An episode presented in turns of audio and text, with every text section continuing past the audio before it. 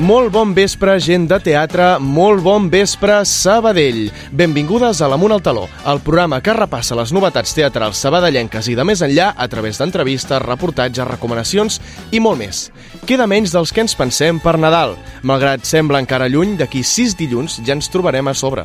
De fet, d'aquí dues setmanes fan l'encesa de llums i aquesta mateixa setmana ja es van presentar els actes que tindrem a Sabadell per Nadal, que si els pessebres, el llaminer, el calendari d'advent... Bé, una mica segur que ja ho coneixeu. Ara bé, és el moment de començar a pensar regals.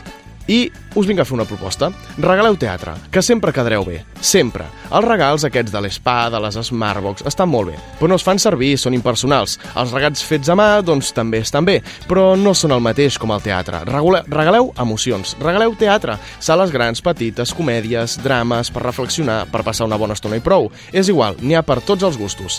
I a mi sí que m'han fet un regal, el regal de poder treballar amb aquest gran equip, un equip format per Laura Lozano a la producció, Júlia Stals, Adrià Garcia, Jaume Pont, la veu del programa Francesc Ascens, el nostre tècnic Toni González i qui us parla, Bernat Pareja. Comencem repassant els continguts del programa d'avui.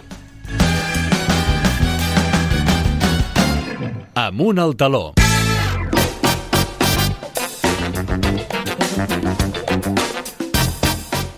Alcem el taló. Avui començarà visitant-nos, com de costum, la Júlia Stals, qui ens explicarà algunes d'aquestes obres que encara es poden veure i algunes de les novetats a incorporar a la cartellera teatral de la nostra ciutat. Després ens visitaran l'Amàlia Lorente i l'Òscar Rodríguez per parlar de Cosmètica de l'enemic, la nova obra del Teatre Sant Vicenç que representarà a l'espai del vestíbul. Després sortirem de l'estudi per recuperar les impressions del públic de l'obra Sessions de control, al Ciervo Teatre. Endavant, equip de carrer, per conèixer la nostra opinió. I després el Jaume Pont ens vindrà explicar històries del teatre sabadellenc a Entre Talers i Talons. Avui ens parlarà sobre el Casinet de la Creu Alta, tercer i últim capítol d'aquesta sèrie. L'Alvira tancarà el programa per portar-nos la seva valoració d'Alan i Cavallet de Mar, dues de les obres que han anat a veure aquesta setmana. Doncs, tot clar? Doncs vinga, comencem. Els dimecres al vespre, Amunt al taló. A Ràdio Sabadell. La platea indiscreta. Obriu bé les orelles perquè ja és aquí, com sempre, la primera de la fila.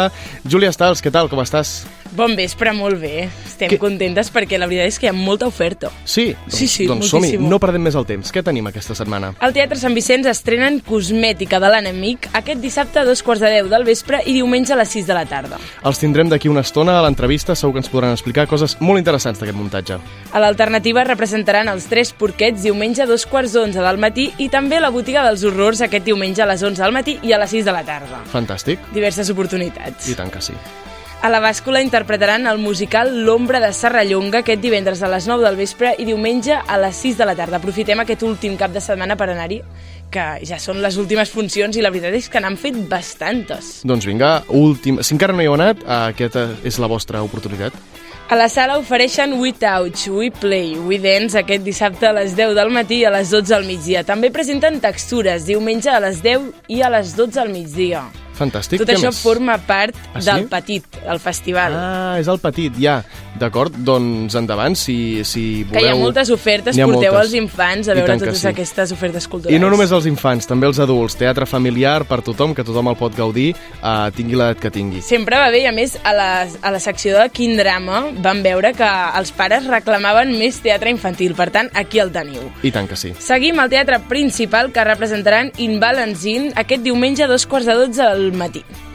A l'Estruc tenen en cartell Carasi, Intents de caos, vols i màquines diumenge a la una del migdia. Uh -huh. I per últim acabem a l'Espai Àgora que ofereixen Trio Araba Arrabal aquest dissabte a les 8 del vespre. Fantàstic, doncs moltíssimes gràcies, Júlia. Algun recordatori per acabar? Sí, com sempre recordem que es pot trobar gran part de l'oferta cultural de la ciutat a l'aplicació Sincronitzats, que està disponible a iOS i a Android. I a Carai. la web de Sabell Cultura també ho podeu recuperar tot. Carai, ara sí que m'has sorprès. doncs, Júlia, moltíssimes gràcies. Ens veiem la setmana vinent. I tant, bona setmana. Bona setmana.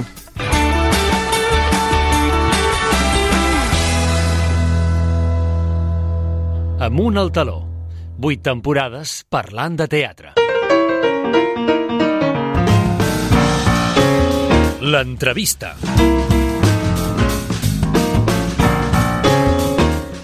I al Teatre Sant Vicenç estrenarà aquest cap de setmana Cosmètica de l'enemic, una obra adaptació d'una novel·la que també va ser pel·lícula estrenada el 2020.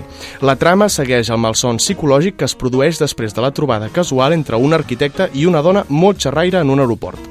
La tindrem a la sala, sala del vestíbul del Sant Vicenç, molt més propera que no pas a l'escenari. Per parlar-ne ens acompanyen l'Amàlia, bones. Hola, bona tarda, bona nit. I l'Òscar, com estàs? Hola, bon a veure, um, què tal els nervis? Com ho porteu? Ara ja estem una miqueta nerviosos perquè queden, re, quatre, quatre dies per l'estrena i, i clar, estem a tope assajant i, i posant-nos una mica en el que és el, el vestíbul, no? que en el meu cas és la primera obra que faré així tan propera i, i adaptar-me una miqueta a aquesta situació, però, però bé, bé, jo crec que els nervis també són bons. Uh -huh. Després en parlarem perquè sí que és veritat que és un canvi molt gran no? de, de l'escenari a, la, a la zona del vestíbul. Exacte. Uh, què tal els nervis? Bueno, uh, jo com a regidora en aquesta obra, perquè la Montse avui no, no ha pogut venir a fer l'entrevista per un tema personal, que li envio molts petonets i molts ànims. La Montse Zanui, la, la, la, directora, que és la directora de, de, de l'obra, de l'espectacle, que ella bueno, fa sis anys que, que la va veure en el mhm. teatre i la va voler doncs, adaptar per poder-la fer aquí al Sant Vicenç. S'ha de dir que la trobada no és un arquitecte i una dona, sinó que és un mhm. arquitecte i un senyor. Un arquitecte i un senyor. Hi ha I hagut aquesta adaptació? que es diu Textor Textel. Vale? Hi ha hagut aquesta adaptació per bueno, canviar una mica de, del que s'ha fet sempre. Uh mhm. -huh. I bueno, els nervis pues, a flor de pell, no? perquè ara ve la recta final i, i bueno, intentarem que sigui una funció que, que agradi molt uh -huh. i esperem omplir. He estat buscant informació d'aquesta adaptació vostra, la que es portarà al Sant Vicenç aquest cap de setmana, i la veritat és que he trobat poqueta cosa de, de la trama, de, uh, de qui feia què, uh, així que voldria que m'expliquessi una mica amb més detall no? de, de, de què va l'obra, on transcorre i una mica uh, quin és una mica el seu objectiu, no? passar-nos-ho bé, ens vol fer reflexionar... Molt bé, és una obra que en principi ens vol fer reflexionar i molt. Uh. -huh. Es tracta de dues persones que es troben en un petit aeroport a França i, i, i a l'avió d'un d'ells surt amb retard. Aleshores, a partir d'aquí, doncs, eh, en aquella espera d'aquell vol, doncs hi ha una conversa entre aquestes dues persones i, i, i bueno, passen un munt de coses. No es coneixen de res, però, però bueno, és, és això. No puc dir gaire cosa perquè no, no, no, no. és una trama molt, molt, molt, que va a foc lent, a poc a poc. És un thriller psicològic i, i, i és, mo, és molt interessant. D'acord. Evidentment el que es pugui dir, només, no? Exacte. uh, alguna cosa a afegir que es pugui dir? Bueno, uh, en principi no, en principi és això, no? és un thriller, és un thriller psicològic, uh mhm. -huh. vale? un, com bé ha dit l'Òscar, no? es troben dues persones, ja l'arquitecte no? que està esperant la sortida del seu vol, que uh mhm. -huh. surt en retard, i apareix un segon personatge, que és el Textor Textel, no? ell és el Jerome Angus, l'arquitecte, uh mhm. -huh. i li comença a donar conversa, no? i a través d'aquesta conversa doncs, bueno, arribarà un final que no podem explicar, doncs que serà inquietant i que la veritat en principi ningú s'ho espera. Mm -hmm. bueno, és, és això, és un thriller, és, és intriga, però té moltíssima sí, sí. força. És un mhm. text amb molta força, amb molta mordacitat, ironia a sac, vull dir, és, és, a mi m'ha agradat moltíssim fer-la, assajar-la i ara tinc moltíssimes ganes de, de representar-la. Mm -hmm. Mira, sobre això us volia preguntar uh, precisament sobre el, com ha estat aquest procés de creació i, i d'assaig, perquè un thriller és complicat portar-lo al, al teatre, perquè una novel·la pot fer servir uh, més o menys uh, arguments, amagar-te coses, al cinema igual, però en el teatre com, com ho heu aconseguit? Quines directrius us han donat? Com ho heu fet per anar assajant i anar construint aquest thriller? Perfecte. En principi hem fet una creació de personatge bastant important, perquè uh mhm. -huh. durant, durant el procés, durant l'obra també, diguéssim que la, la, la tensió és, és molt evolutiva. Aleshores, el, el, el personatge passa per molts estats d'ànims i aleshores doncs, aquest ha estat el procés. Conèixer molt bé el personatge i com, com reacciona i a partir d'un mateix també com, com el veu cadascú d'ells i a partir d'aquí treballar molt, treballar molt i sobretot també mm, estudiar molt perquè té, té molt text i treballar-lo profundament. Uh mhm. -huh. profundament. I, I, I és aquest el procés. Bàsicament, sobretot, conèixer molt bé el personatge, el que pensa el personatge des del seu punt, des de, des de la seva personalitat, que, que no és la teva, no? Aleshores, ficar-te una mica en aquell, en aquella persona. Clar, clar, clar.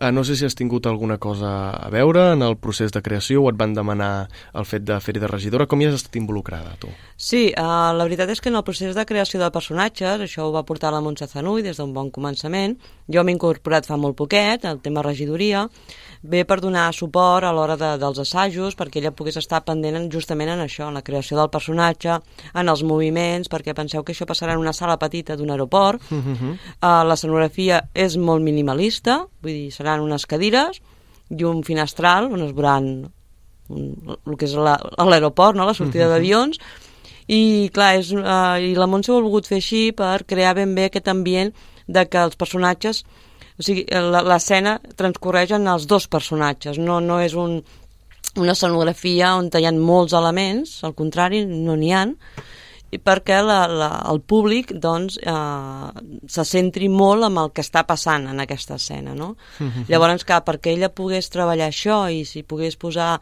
per cada personatge, dels dos personatges, perquè podem dir que és una funció que no serà una lectura, que és teatralitzada. S'ha hagut de treballar molt cada personatge i la intenció de cadascú d'ells, perquè tots dos són personatges totalment diferents i, clar, és una feina molt difícil, no? Uh, llavors, bé, uh, per això m'he incorporat, no? a part de poder-la ajudar amb altres temes, que és tot el tema que porta el fet d'una regidoria, i, i bueno, principalment és això, no? el uh mhm. -huh. treball d'aquests personatges perquè pugui sortir una funció de vestíbul que pugui donar al públic aquesta, aquest thriller psicològic no? que, per qui puguin entrar dins de, del personatge des del minut zero. Mhm. -huh. Mira, ja que em treus el tema del vestíbul, eh, anem-lo a tractar eh, ja, perquè us hem vist actuar sobre l'escenari gran del Sant Vicenç, però el vestíbul petit, clar, és una altra cosa, perquè és una, és una obra molt més propera. No sé si es, es prepara diferent, uh, imagino que d'alguna manera sí. En principi jo ho estic preparant de forma diferent perquè molt més proper. Aleshores, a mi eh, em fa moltíssima il·lusió perquè pots treballar molt més el que és la, la, el, el rictus de la cara, la, la gestualitat, estàs molt proper, i, i això és, és, és molt interessant. Vull dir, últimament s'està fent molt de teatre d'aquest tipus i, i, i realment agrada moltíssim, perquè és molt proper, és això és la proximitat que té, i aleshores enfrontar-te això, a tenir persones al davant, a més prenents alguna cosa que és molt agradable, però tu estàs ficat en la, en la funció eh, molt concentrat, és, és molt interessant. Per mi és un repte, eh? per mi és un repte perquè havia fet alguna lectura, he fet alguna cosa així a l'escenari i això sí, però per mi és un repte que, que l'afronto amb moltíssima il·lusió. Però és això, veig que serà diferent i, i ja veurem. Tinc moltíssimes ganes ja de, de començar-hi. Clar, perquè és una cosa que, que eh, qui, qui no ha fet teatre no ho sap, però quan estàs sobre un escenari alçat, no, els focus t'impedeixen veure bastant el públic, Exacte. per tant sembla que estiguis en un assaig més, que sembla que estiguis sol, però aquí en canvi doncs, veus les cares, veus les reaccions, uh, no sé si això et preocupa o creus que et pot esperonar, perquè uh, si hi ha alguna broma que uh, potser la gent no riu, si hi ha algun comentari que la gent no se'l pren com se l'hauria de prendre, no sé si això ho heu treballat també de dir, ostres, quan hi hagi el públic, què, què fem si alguna cosa no surt malament? No em preocupa, no, no gaire, vull dir, jo penso que, que hem d'estar és molt concentrats centrats en el que és fer la, la funció i, i transmetre al públic l'obra, explicar, uh mhm. -huh. explicar la història de forma molt propera, i, però, però no, no em preocupa. Pràcticament, inclús m'agrada estar pràcticament al costat Clar. fent una expressió bastant exagerada d'alguna acció i que ho puguin veure de molt a prop. A mi m'agrada, eh? a mi m'agrada quan he anat a alguna funció al, al vestíbul o alguna sala petita com l'Àgora o uh -huh. Alternativa inclús, que són sales més...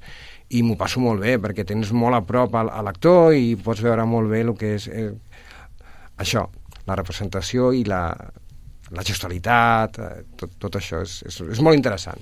A mi no em preocupa, eh? jo estic bastant tranquil. A veure, ja veurem.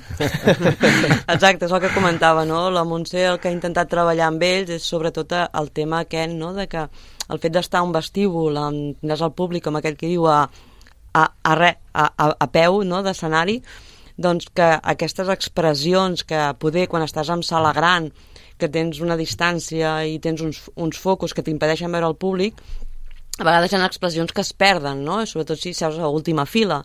En canvi aquí doncs, s'ha intentat això, el treballar el, aquestes expressions, aquestes mirades, aquestes, aquest saber estar un personatge amb l'altre, no? perquè el públic que el tens tan a prop realment es fiqui dintre, no? O sigui, no, no sigui tu vas a veure un, una funció, sinó intentar entrar dins d'aquest personatge, no? És com veus una pel·lícula d'aquelles que t'estàs que, que acabes sent plorant, no? O acabes rient o acabes mm, cridant de por, no? Perquè t'has posat tant en el personatge que l'estàs vivint, aquest personatge. Llavors és el que la Montse ha intentat i el que s'ha treballat amb els dos actors, amb el Toni Molner, que fa de Textol Texter, i amb l'Òscar, que fa de Jerome Angus, no? perquè el públic entri en aquests personatges i pugui viure l'escena amb ells, no?, en tot moment. No, el que volem és això, que el públic estigui també a la sala de l'aeroport. Clar, com si diguéssim. Clar, com clar, si estigués clar. també allà esperant el vol, que han perdut el vol. no, una conversa. Exacte, i estiguessin escoltant el, el que passa amb aquells dos personatges allà mateix. Aleshores, això sí.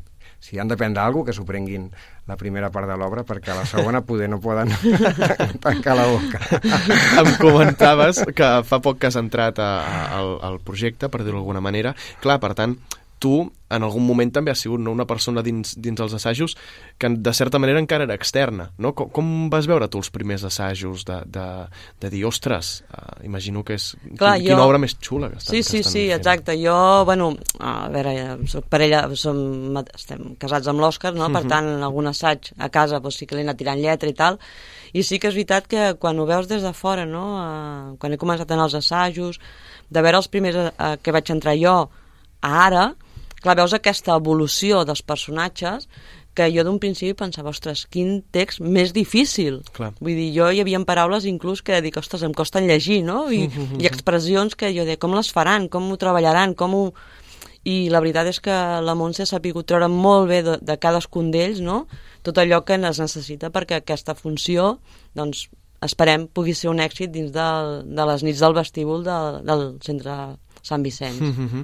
uh, em comentaves, bueno, comentaves el tema de, de la regidoria, que clar, dins una de les moltes feines que ha de fer, perquè la, la regidoria és una mica un calaix de sastre, no? De tot, sí, exacte. De tot el que s'ha de fer per darrere una funció. Sí. Uh, clar, és procurar que tot vagi bé. Uh, com és és, suposo que també és un repte perquè l'espai del vestíbul està ara adaptat a ser una sala, però originalment no era pas una sala. Llavors tampoc no hi ha molts espais per, per col·locar-te tu, per, per fer que tot vagi bé, no? No Exacte. sé si això també és un, una mica un repte. Sí, la veritat és que és un repte perquè és la primera vegada que faig de regidora en un vestíbul. Uh -huh. uh, en aquest cas no hi haurà el paper del tiralletra, no?, que se li solia dir, de, que ja pots haver-hi una sala gran, que et pots amagar darrere unes cametes Clar. i tal, aquí no però sí que és la feina d'estar de, junt amb la Montse no? i l'equip tècnic doncs, que totes aquelles sons o aquelles músiques que hi hauran durant la funció doncs, surtin a temps, tot funcioni bé, que tot estigui preparat per quan els actors hagin d'estar a escenari. Bé, és més una preparació prèvia, no? que tota l'escenografia estigui a punt, uh mhm. -huh. que tinguin tot el que hagin de tenir en el seu lloc, ja et dic, és molt minimalista, clar, clar, però hi han de quatre cosetes que sí hi han de ser. I que imagino que són importants. I que són no, molt no, importants. No, no direm res, no, no direm res, perquè si ja... no són molt importants, no? I és una feina pues, que en aquest tema sí que es treballarà aquesta setmana, que hi haurà l'assaig tècnic i general, uh mhm, -huh. Mhm. però és més un suport no? de cara a la directora, la Montse Zanuy, i els actors en si, no? perquè entenc que el paper de regidoria sempre dona aquell suport no? que, que quan tu, la directora està amb ells treballant i tal, no? pues, de dir, bueno, va, tranquils, vinga, va, som-hi, va, no? Vull dir, anem una mica tots a...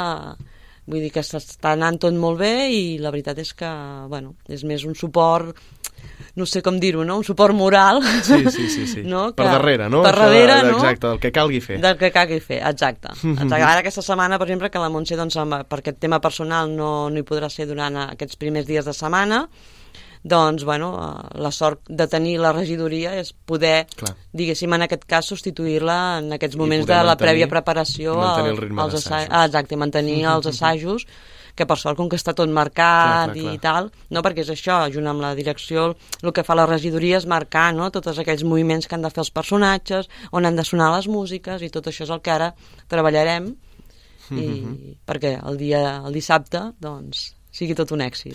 Ja per anar acabant, uh, és possible que hi hagi gent que hagi llegit la novel·la o hagi vist la, la pel·lícula. Uh, no sé si és el vostre cas, si ja coneixíeu el, el text, sobretot tu, Òscar, que ets qui l'ha de representar, i si d'alguna manera, bueno, no sé si ho has llegit o has vist la pel·lícula. Jo he vist la pel·lícula, Has vist la pel·lícula. i el, bueno, no l'havia llegit anteriorment, me n'havia parlat la Montse ja abans de, de començar amb el projecte Uh -huh. i em va dir, tinc moltíssimes ganes de fer, de fer aquesta obra perquè a mi em va impactar mo- moltíssim i aleshores doncs, quan em va dir de, de fer-la doncs, amb el procés ja he anat llegint-la i estudiant-la i, i realment és fascinant, és, un, és una obra que, que m'ha agradat moltíssim per la força que té, la força de les paraules i és molt, la mordacitat és que és molt, és, és- està molt bé, però, però no la coneixia anteriorment, eh, I d'alguna manera la pel·lícula uh, creus que t'ha afectat a l'hora de- d'interpretar o has volgut donar el teu toc uh, personal? No, la pel·lícula gens, eh? és molt diferent. La pel·lícula del que és la, La novel·la la versió de i la, la versió de la novel·la és, és molt diferent, perquè la pel·lícula també és una, és una noia i un, i un senyor, Clar. i, i és, Ja és canvia molt tot. diferent, és, és molt, és molt diferent. Això està basada totalment amb la, amb la novel·la, el que fem nosaltres ara, i és, és una obra d'una hora, hora, hora i deu minuts, hora i quart, i és això, i està basada estrictament amb la novel·la. Perquè sí que molta gent m'ha dit que, que la coneix, que, que, que l'ha llegit, perquè està, és, és, molt, és bastant popular, i suposo que, que vindran. Ja m'han dit que venien també d'un club de lectura 10 persones diumenge i estic molt, molt content. A veure si, si, si pot venir encara molta més gent. I els agrada, sí. Doncs, doncs queda dit. Normalment acabo les entrevistes preguntant una mica el per què hauria de venir la gent, però crec que seria reiteratiu perquè és que eh, bueno, ja ha quedat molt clar sí. no? de, de què va l'obra i el per què hauria de venir la gent, per venir a disfrutar d'un bon text, d'un text proper i d'un final que, que segur que no esperen. No. Doncs només em queda agrair-vos eh, haver vingut, o sigui bé. que moltíssimes gràcies. Doncs, Moltes gràcies, Moltes Bernat. gràcies. I Cosmètica de l'Enemic al, al Teatre Sant Vicenç. Ja ho sabeu, uh, correu a agafar les entrades perquè normalment al vestíbul s'acaben, que és un espai, és un espai petitó. Molt bé, i li volia enviar també una salutació a la Montse i que a tope. Queda que dit. anirem a tope. I tant que sí. I no ha deixat indiferent a ningú, eh? doncs moltíssimes gràcies. Molt A bé, vosaltres. gràcies. El Teatre Sabadellenc a Ràdio Sabadell.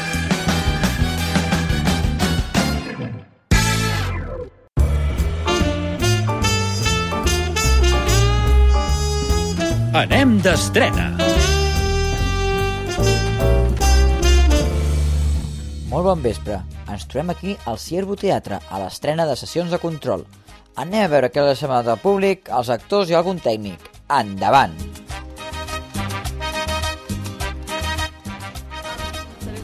Bones, què us ha semblat l'obra?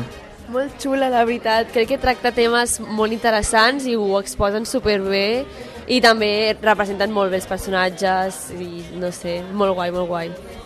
Està bé perquè analitza molt en plan tot el que diuen, ho analitzen tot profundament i treuen molt, molt bones conclusions. Està bé, m'ha agradat. Ha sigut una experiència molt immersiva. Normalment quan vas al teatre no veus coses així interessants. I per què ha sigut immersiva? Perquè que, que, com, era, com estava uh, fet la, la posada en escena? Bueno, com es passava tot com al mig i les butaques estaven al voltant, també feia que tu poguessis entrar més dintre del que estaven sentint i tot, i a, a, arribar més. No era només l'escenari com estem acostumbrats, sinó que també era a baix, entre el públic, i es relacionaven molt amb el públic, a l'incloent a l'obra. Sí, ha sigut una nova manera de veure una obra. Va, ha estat bé, m'ha agradat. Creu que en un futur eh, us podríeu trobar aquestes problema, problemàtiques? Sí, jo crec que són coses que al dia a dia segurament molta gent es troba en aquestes situacions. Sí, són situacions que passen a tothom, que t'hi pots trobar vulguis o no. Home, doncs suposo que sí, però crec que amb bona comunicació amb la parella jo crec que no, no passarien aquestes situacions. I m'esteu dient que sereu infidels en algun moment de la vida? No, no! Ah, espero que no. Bueno, i què els hi dieu als nostres oients perquè vinguin a veure aquesta obra? Doncs que és una experiència increïble i és algo que no trobaràs tampoc a qualsevol lloc i que tenen una oportunitat aquí a Sabadell i que l'aprofitin i que vinguin. Els actors ho fan molt bé, te'ls creus molt i, no sé, és increïble. Hi ha pocs teatres que facin aquesta manera de fer una obra i jo ho recomano molt i experimentar-la, sí. Bones, què t'ha semblat l'obra? Doncs la veritat és que molt, molt bé. És molt dinàmica, passa ràpid i la veritat és que els diàlegs entre ells dos són brutals, es veu una complicitat entre els dos actors sublime i ja et dic, una obra molt àgil i molt, molt fresca i molt actual, la veritat, eh, que els felicito. T'has vist identificada en algun moment de l'obra? Home, bueno, tots els matrimonis tenen les seves coses, no? Així que sí, hi han coses que et pots veure identificat, sí, sobretot quan hi ha fills, sí. I la posada en escena en general com l'has vista? L'he vist molt, molt bé, el fet de que estigui l'escenari al mig i que ells vagin donant la volta amb la taula, no? perquè de, realment tot passa en un mateix, en un mateix, en un mateix àmbit. Llavors eh, la veig, l'he vist molt bé que el fet de que anessin, anessin rodant, no? que no, no només li veus l'esquena en l'actor, sinó que sempre acabes mirant o l'esquena o la cara o el lateral i està molt bé. I què els diríeu als nostres oients perquè vinguin a veure aquesta obra? Doncs que no se la perdin, que realment el Ciervo sempre s'ha conegut com un teatre amateur que està molt bé i la, re... la veritat és aquesta, que no se la perdin, que els actors són eh, espectaculars. Moltes gràcies. A tu. Bones, què us ha semblat l'obra? Molt bé, m'ha agradat molt. Sí, l'he trobat molt interessant. Sí, estaven, els actors estaven molt posats en el paper, com si fos realment la seva vida. Jo espero que no, eh, per això. Perquè vosaltres us heu sentit identificats en algun eh, moment, de, en alguna escena? Home, una mica sí, perquè clar, parlaven de molts anys de matrimoni i justament nosaltres en portem uns quants més. Ai, què, què us ha semblat la posada d'aquesta escena amb, a, a mig de la platea? Ah, molt bé, això m'ha encantat. El trobo molt més a prop i molt més... Sí, molt, molt bé. Original, original, fora del lo normal, diguéssim. Recomanaríeu aquesta obra? Què els diríeu als nostres oients perquè vinguin a veure-la? Pues que és molt interessant i que val la pena. Que es passa una estona que no, no t'enteres l'hora que dura. D'acord, doncs moltes gràcies. Ai, doncs bé, ara estic aquí amb el Johnny, que és el tècnic de, de so, d'aquí de, de, de seccions de control. Uh, valora'm la- l'obra, com, com ha anat a, a nivell de tècnic? La veritat és que ha anat, ha anat molt bé perquè a més ha sigut una obra bastant... sigut molt, ha sigut molt participativa, eh, tots han tingut idees per fer, de, tant pel tema de la música, tema del so, de- d'intentar que doni ambient al, a lo que és l'espai escènic. I realment és, ha sigut una part bastant, bastant complicada per, per fer que el, el públic eh, noti els diferents espais que hi ha tant de la part del carrer, la part del, de, del, de dintre d'un bar i la veritat és que estan molt ben, crec que estan molt ben aconseguit perquè inclús he, sentit comentaris que, que a la gent li ha agradat molt Com, com heu anat treballant això? Des, fa molt temps que ella teníeu les músiques o com?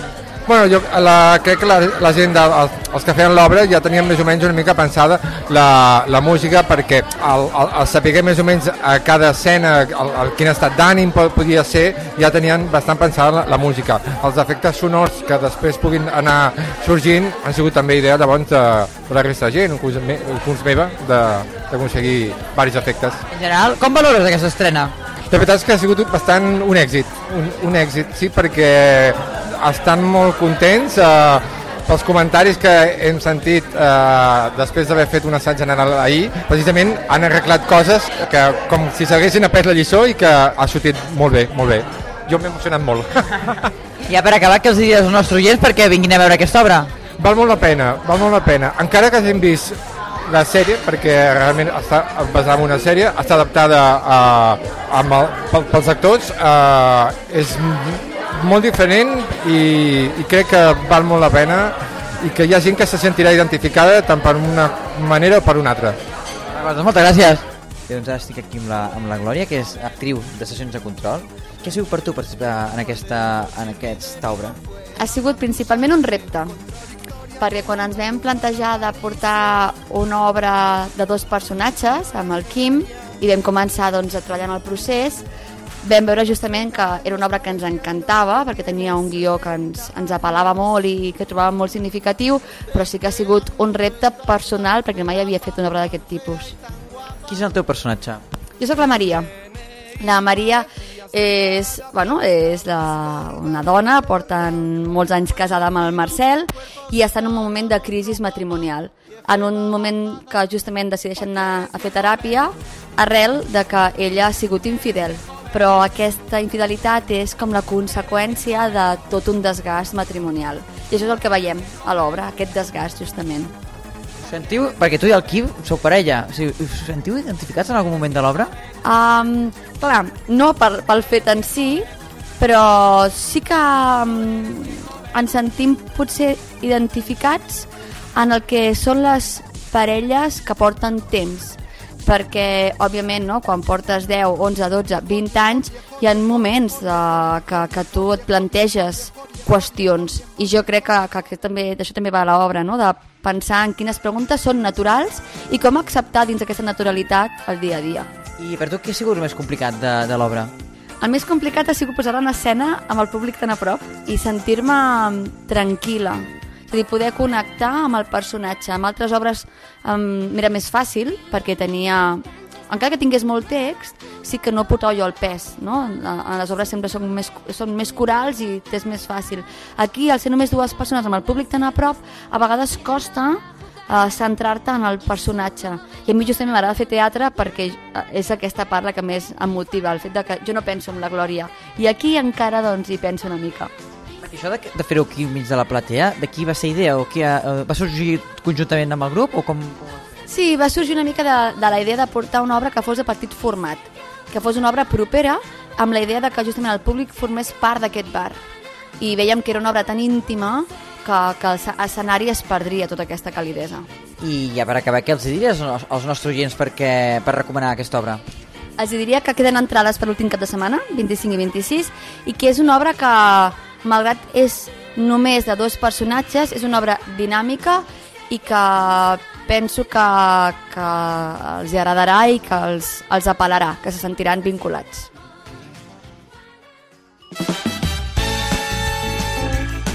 Els dimecres al vespre, amunt al taló. A Ràdio Sabadell.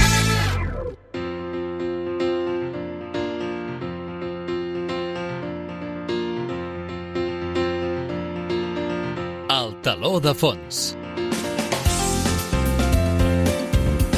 I per seguir amb el programa tenim el Jaume Pont que ens ve a parlar en la seva secció Entre talers i talons la tercera part de la sèrie del Casinet de la Creu Alta.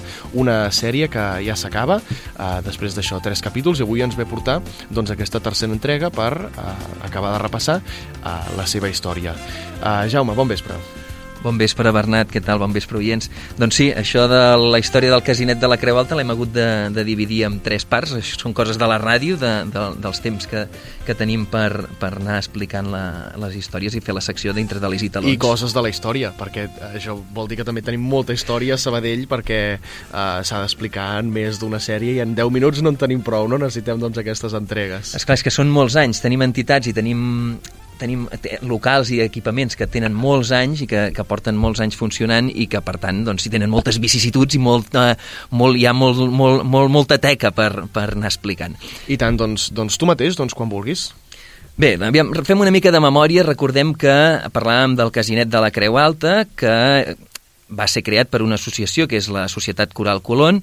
El 1896 és quan es va crear aquesta societat i, i després de diferents locals va adquirir la seu on actualment està situat, que és a l'Avinguda 11 de setembre, i on es va construir en un primer moment la part frontal que toca l'avinguda amb, un, amb un cafè on, on s'hi va col·locar un escenari, que aquesta entitat tenia un, un grup de teatre propi, que a més a més també a part d'aquest cafè van construir en la zona del jardí, que era la part posterior d'aquest local, doncs eh, un escenari també, i el, aquest grup de teatre anava, de, de, que formava part de la Societat Coral Colón, anava fent diferents obres, molta, la majoria d'elles eren obres d'autors catalans, estem parlant això de principis del segle XX, fins que el, el 1923 es va construir ja definitivament un teatre amb tots els ets i uts, un teatre com, com, com pertoca, amb un escenari doncs, eh, bé i, un, i, un, i una platea que segons deien les, les, les, notícies de, de, de l'època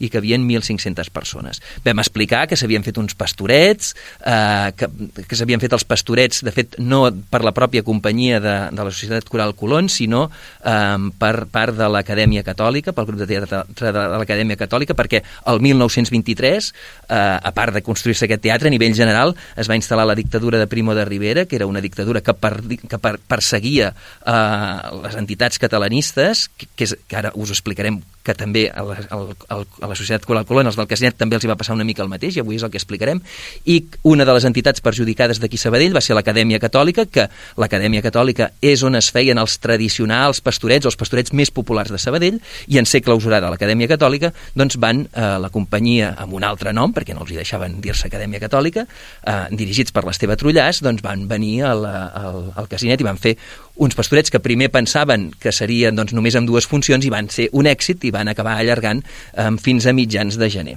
I aquí és on vam acabar l'altre dia amb, aquesta, amb, això, amb l'obertura d'aquest nou teatre, amb representacions de pastorets, i que el que sí que vam explicar és que a partir dels anys 20, a partir d'aquest 1923, ja en aquest nou espai, en aquest nou, nou teatre, el que era el grup de teatre amateur de la Societat Coral Colón pels motius que siguin, que no coneixem, perquè potser doncs, era massa gran aquell espai per ells, perquè els decorats que tenien preparats doncs, no, no els hi cabien, perquè potser per aquest tema de la persecució d'obres d'autors catalans, quan ells estaven especialitzats en, en, en fer autors catalans, pels motius que siguin, la qüestió és que pràcticament va, deixar, va desaparèixer el grup de teatre propi de la Societat Coral Colón.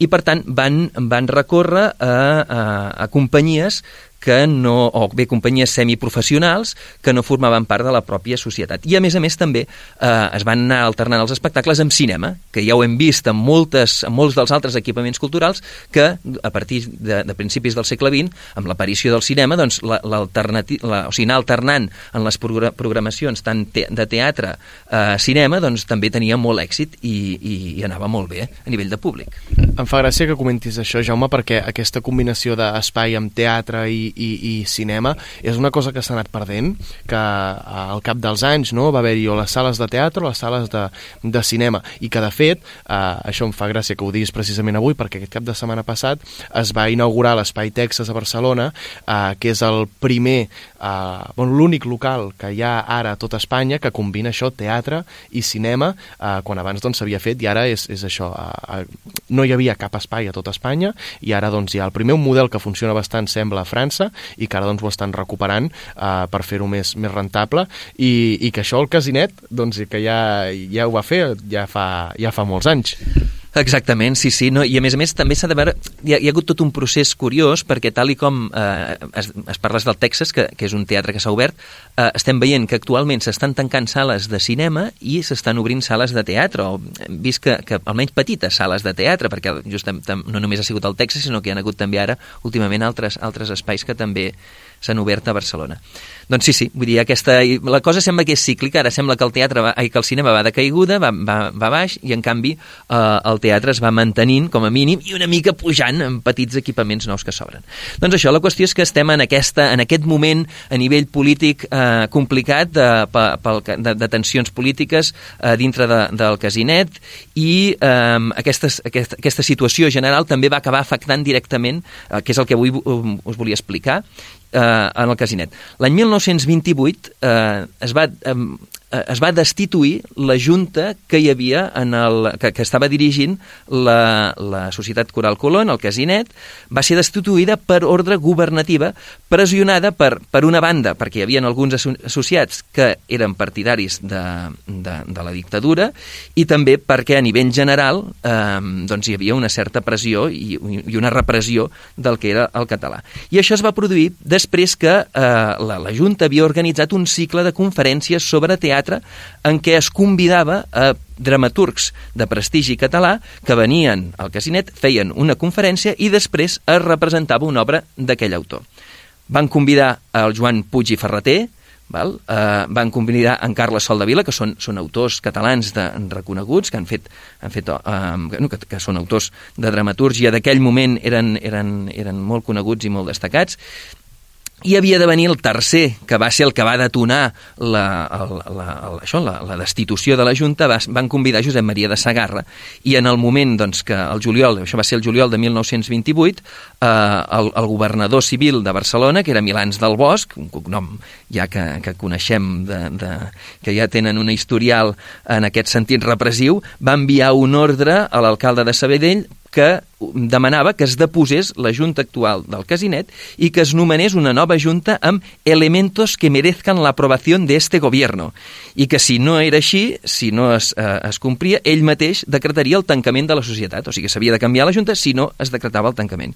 I així va ser com es va canviar la Junta, aquesta Junta va dimitir, se'n va posar una altra de Junta dintre de la Societat Coral Colón a fi el règim i es van, llavors sí que ja es van acabar del tot les actuacions de teatre en el Casinet, almenys fins, fins uh, fins més endavant, fins que, uh, el mil, això va ser el 1928, el 1931, Uh, eh, arriba la Segona República i amb l'arribada de la Segona República retorna aquesta junta més catalanista i a partir d'aquí sí que es torna a recuperar el teatre i es convida, sobretot, durant els anys 30, va actuar la companyia Carbonell, que també companyia Carbonell és una d'aquestes companyies que un dia farem un monogràfic només de la companyia Carbonell perquè és, va ser una companyia molt, molt destacada de la ciutat.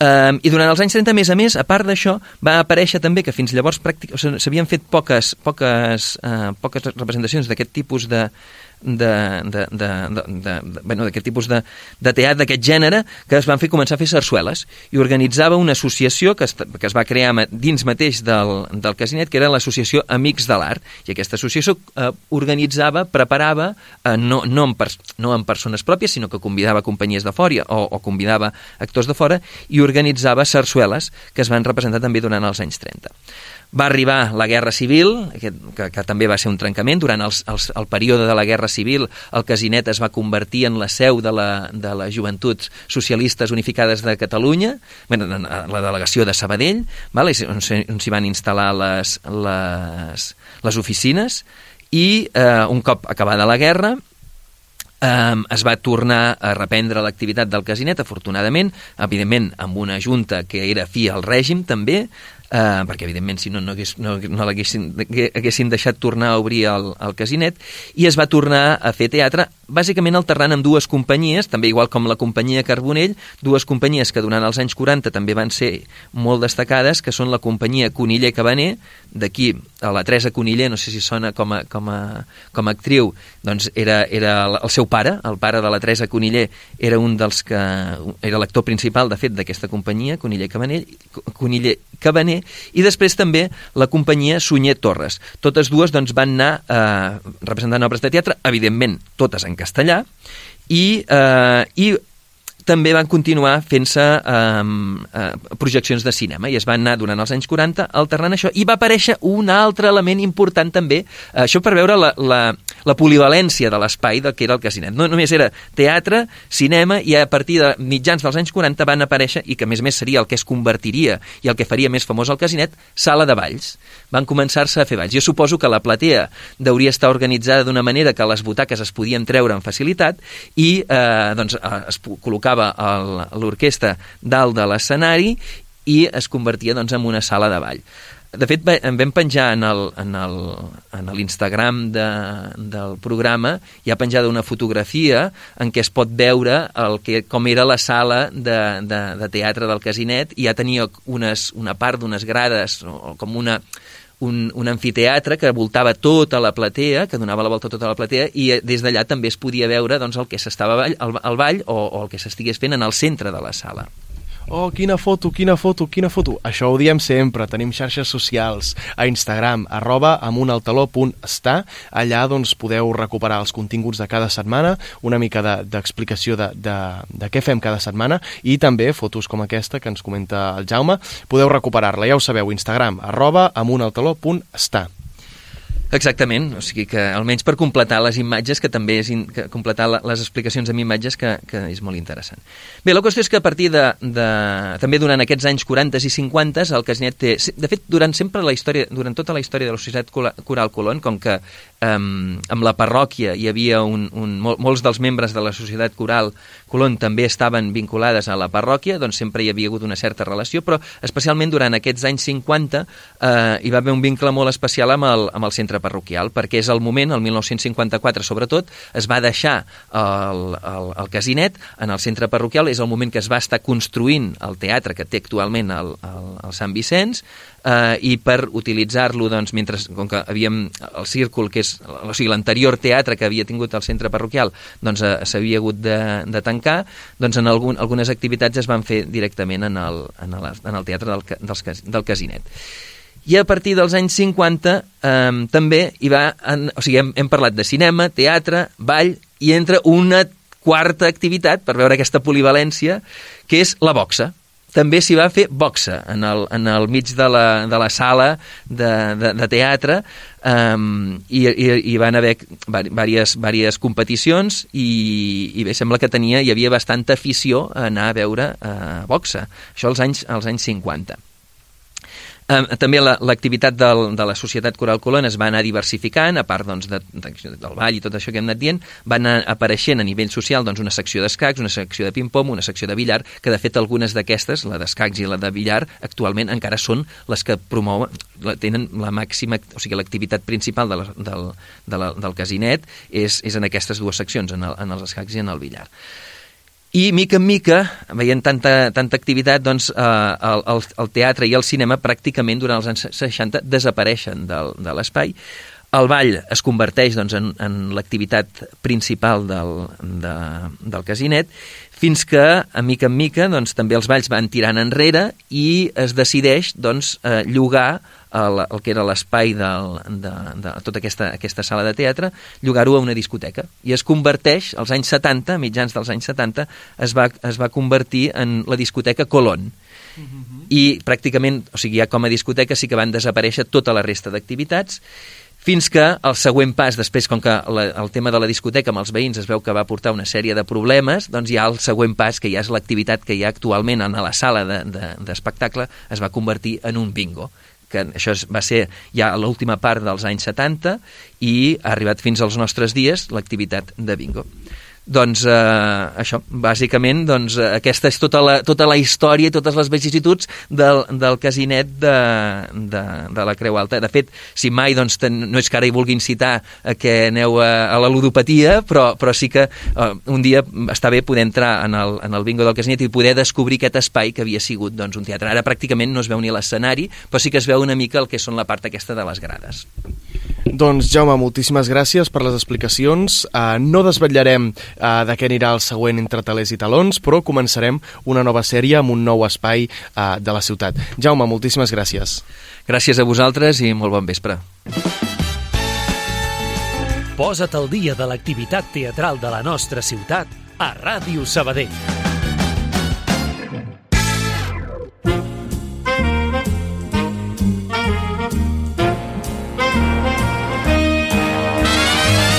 Teatre de Franc.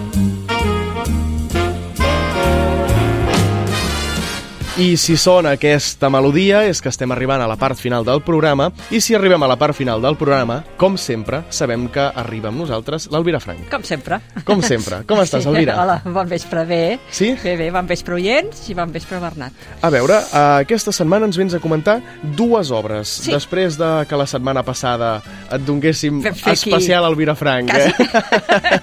quasi que sí. Amb un l'Alvira Frank. Ens havíem doncs... de posar al dia perquè eren funcions que s'acabaven uh -huh. i avui parlaré de, de dues obres molt potents. Uh -huh. uh, uh, les quals encara tindreu bastantes oportunitats de veure. Bastant. Sigui en sala o sigui en gira. Uh, sigui en tindreu, gira, també. Tindreu sí. oportunitats de veure-les. I tant. Tenim Alan al Teatre Condal i Cavallet de Mar a la sala uh, Flyhard. Per qui no vols començar? Mira, uh, primer de tot vull dir que aquest tema, uh, o sigui, que les dues obres que parlem nosaltres, uh -huh. que parlem avui, és el mateix tema. D'acord. La transsexualitat. Uh -huh. Un tema enfocat de diferent manera, cada obra, eh? Una obra és musical uh, i l'altra doncs, és més de text, de text, però tot es basa amb, amb la mateix, uh -huh. amb aquest tema tan profund que jo penso que se n'hauria de parlar, que se n'hauria de parlar en els instituts, uh -huh. amb gent jove, perquè mira, comencem per Alan, que bé, eh, és un esplèndid i emocionant musical creat per Marc Puig i Mateu Pere Miquel que s'ha fet al Teatre Condal els dilluns. Només es feia els, Els dilluns. dilluns. Sí. Que és una denúncia directa a la transfòbia eh, amb els entorns escolars, sobretot entre els adolescents. L'obra es basa sobre un lamentable suïcidi, entre molts altres que n'hi ha d'aquest tipus, eh? Mm, El suïcidi és d'Alan Montoliu, un noi de 17 anys de Rubí, que l'any 2015, després de fer la transició, va ser rebutjat pels seus companys d'institut. A més, ni els facultatius ni les institucions van voler fer res per protegir i ajudar a aquest jove, sinó que van mirar cap a una altra banda. Eh? Eh, com, com fa encara molta gent, el de la nostra societat. I tant. El noi no va poder enfrontar i va optar per treure's la vida. A part del dramàtic argument, on s'explica la lluita interior del noi per manifestar-se tal com era, com se sentia, com es comportava sentint-se noi i no noia, com era el, com, abans com de fer la transformació, ell volia manifestar-se, era un noi, ell se sentia noi i era un noi. Uh, a part d'això, trobem un espectacle ple de, ple de sensibilitat, que sense dramatisme es fa conscienciar sobre la profunditat del tema, per tractar-lo amb naturalitat i delicadesa. I s'explica la història amb música, gest i expressions i llum. És com un tema alegre dintre de, del, del dramàtic, eh? Mm, bé, uh, són cançons, jo diria que la música és més romàntica, però alegre, jo diria, no, no et fa trista, eh? Clar, clar, clar. Unes genials interpretacions. El Cisco Cruz fent diversos papers, d'avi, de mestre, de psicòleg, de xulo, la Patricia Pascal interpretant a la mare preocupada i protectora del noi i incondicional de cara al seu fill. I Ander Mat Mataró i Vincent Morral repartint-se els papers d'Alan, ell fent estupendament del noi que està reivindicant la seva manera de ser. I ella representant la seva consciència, el seu jo més amagat, quan era més petita, la nena més petita, que a vegades el, li contradiu, li diu, si tu penses això. De Morral, recordem el seu paper en Bamba i Mostra, que ja en vam, que ens va deixar bocabadats, i en aquest espectacle ho fa sensacional. Una nena jove, eh? I molt joveneta. Unes bones veus i bones interpretacions que no serien el mateix sense la preciosa música en directe interpretada per Danco Comte i el mateix Pere Miquel que n'ha fet la partitura, n'ha fet el, la música. Dir també que el sabadellenc Jordi Berg, junt amb Adrià Gómez, s'ha cuidat d'una notable il·luminació. No és un espectacle infantil, encara que diguin que és un espectacle per tothom. No és infantil, sinó que és un espectacle que jo programaria, com he dit abans, a tots els instituts, perquè aquest sector juvenil pogués veure la realitat reflectida d'un adolescent, tal com pateixen quan fan aquestes transformacions quan tenen aquesta edat. I, I més en un moment de desenvolupament personal i de creació de la identitat com és l'adolescència. I tant, no? sí. Ah, tant pel que explica l'obra com per programar-ho després en instituts. A instituts, no? per, ja diria que sí, Fer que obrir els ulls a gent que molta gent ni s'ho ha plantejat moltes vegades, i no? que, que és un desconeixement i, i, i una por a, a, al diferent quan moltes vegades no s'han ni plantejat els, els perquès i els motius de, del per què una persona no? Mhm. uh, doncs, doncs pot fer un, Eh, una... eh, que es pot sentir doncs, uh, diferent del sexe Clar, clar, físic. i tant, i tant, i eh? tant. I tenir aquest respecte, ensenyar a l'adolescència aquest respecte. I tant. Perquè, sobretot els nanos i les noies que fan aquest pas s'ho han de passar molt malament. Mm -hmm. Llavors, és- doncs, mirar, doncs, en comptes de rebutjar-los, doncs, fer-li suport. Mhm. Sí, perquè al cap i a la fi el que estan fent és intentar estar més còmodes dins la nostra societat. I tant. I I tots un ens ho acte- mereixem d'estar més de- d'estar còmodes i sentir-nos part de, de la I és societat. un acte de valentia, un nano I adolescent que sigui capaç de dir jo sóc mm, físicament dona, però em sento home, o al revés. I tant, i tant, i tant. Eh? Tot i que l'obra mm, no es presenta dramàticament, personalment no vaig poder controlar les llàgrimes. Mhm. No vaig poder basar-me només a analitzar si els intèrprets ho feien bé o no, que tal com he dit ho fan extraordinàriament bé, sinó que l'argument em va fer pensar, com dèiem, primer amb el noi, després amb la família d'ell i també amb tantes i tantes famílies que han perdut els seus fills en circumstàncies semblants. És la Mhm. concert, conversa que teníem. Vull destacar que aquest musical ha estat guardonat en els Premis de Teatre Barcelona com a millor espectacle familiar. Mhm.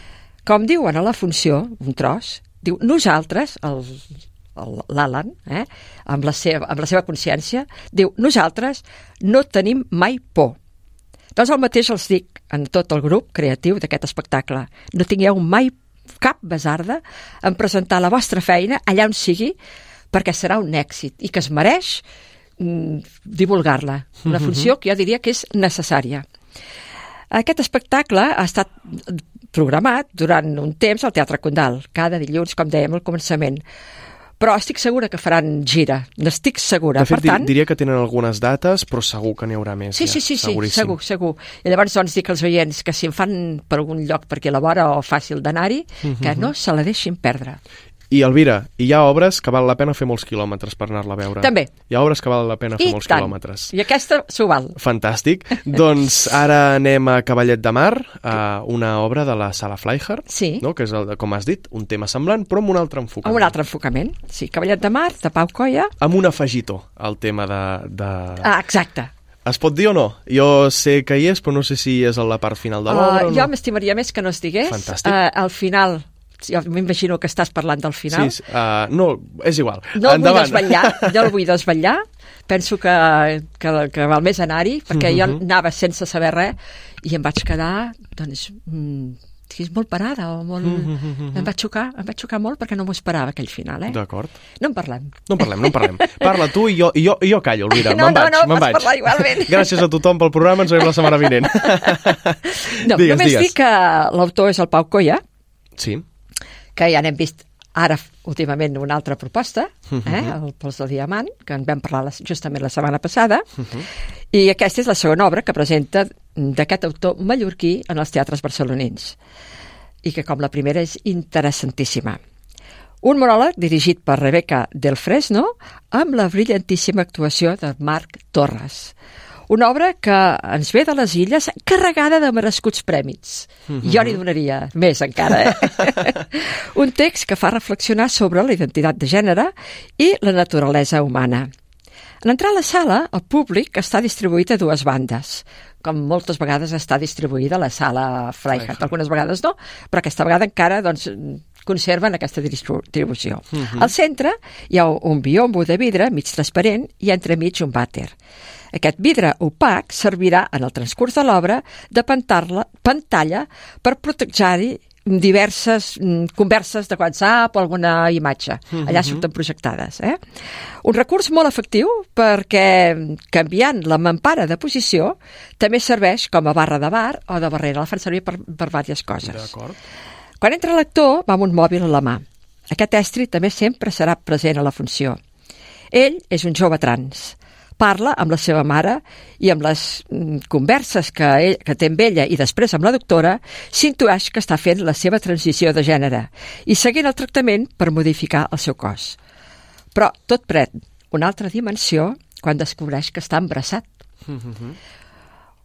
Un nen que el troba eh, amb un autobús el compara amb un cavallet de mar, ja que aquesta espècie d'animal es reprodueix quan la femella injecta en els, els seus ous a la bossa d'incubació del mascle. Mhm. Eh? És al revés de la Sí, sí, sí, naturalesa sí. humana. Per això el nen li diu, ets com un cavallet de mar. El noi reflexiona en veu alta sobre la transformació del seu cos, dels complexos i els diferents còdics establerts a la nostra societat. També diu que s'enamora, s'enamora d'una altra persona i que això li produeix uns dubtes per prendre decisions que potser haurà d'acceptar, potser eh, es planteja, haurà d'acceptar el seu cos tal com és. Però tot el tema està tractat amb un rigor ne- neu neutral i seriós, posant de tant en tant una nota humorística. L'actor es dirigeix als espectadors algunes vegades mirant directament a una persona.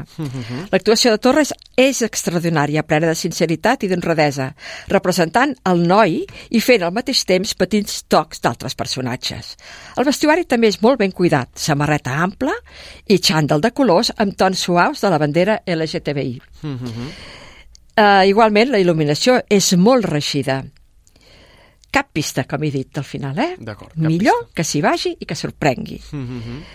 Una reflexió mm, impactant sobre la identitat de gènere que penso que no us podeu perdre amb aquesta obra.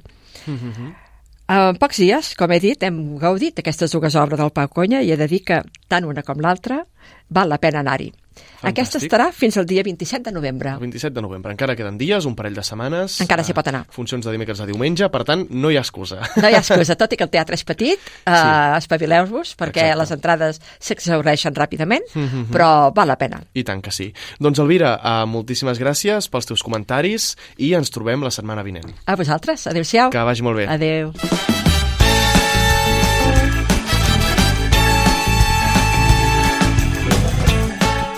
I aquí acabem l'Amunt al Taló d'avui. Us recordem que podeu recuperar tots els nostres programes a Spotify, només cal que busqueu Amunt al Taló al cercador i trobareu el nostre podcast. Rescateu també aquest programa i tots els altres a la carta i al web de Ràdio Sabadell.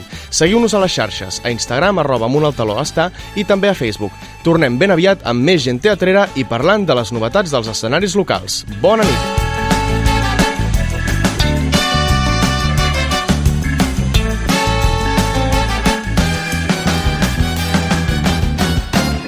Amunt al taló.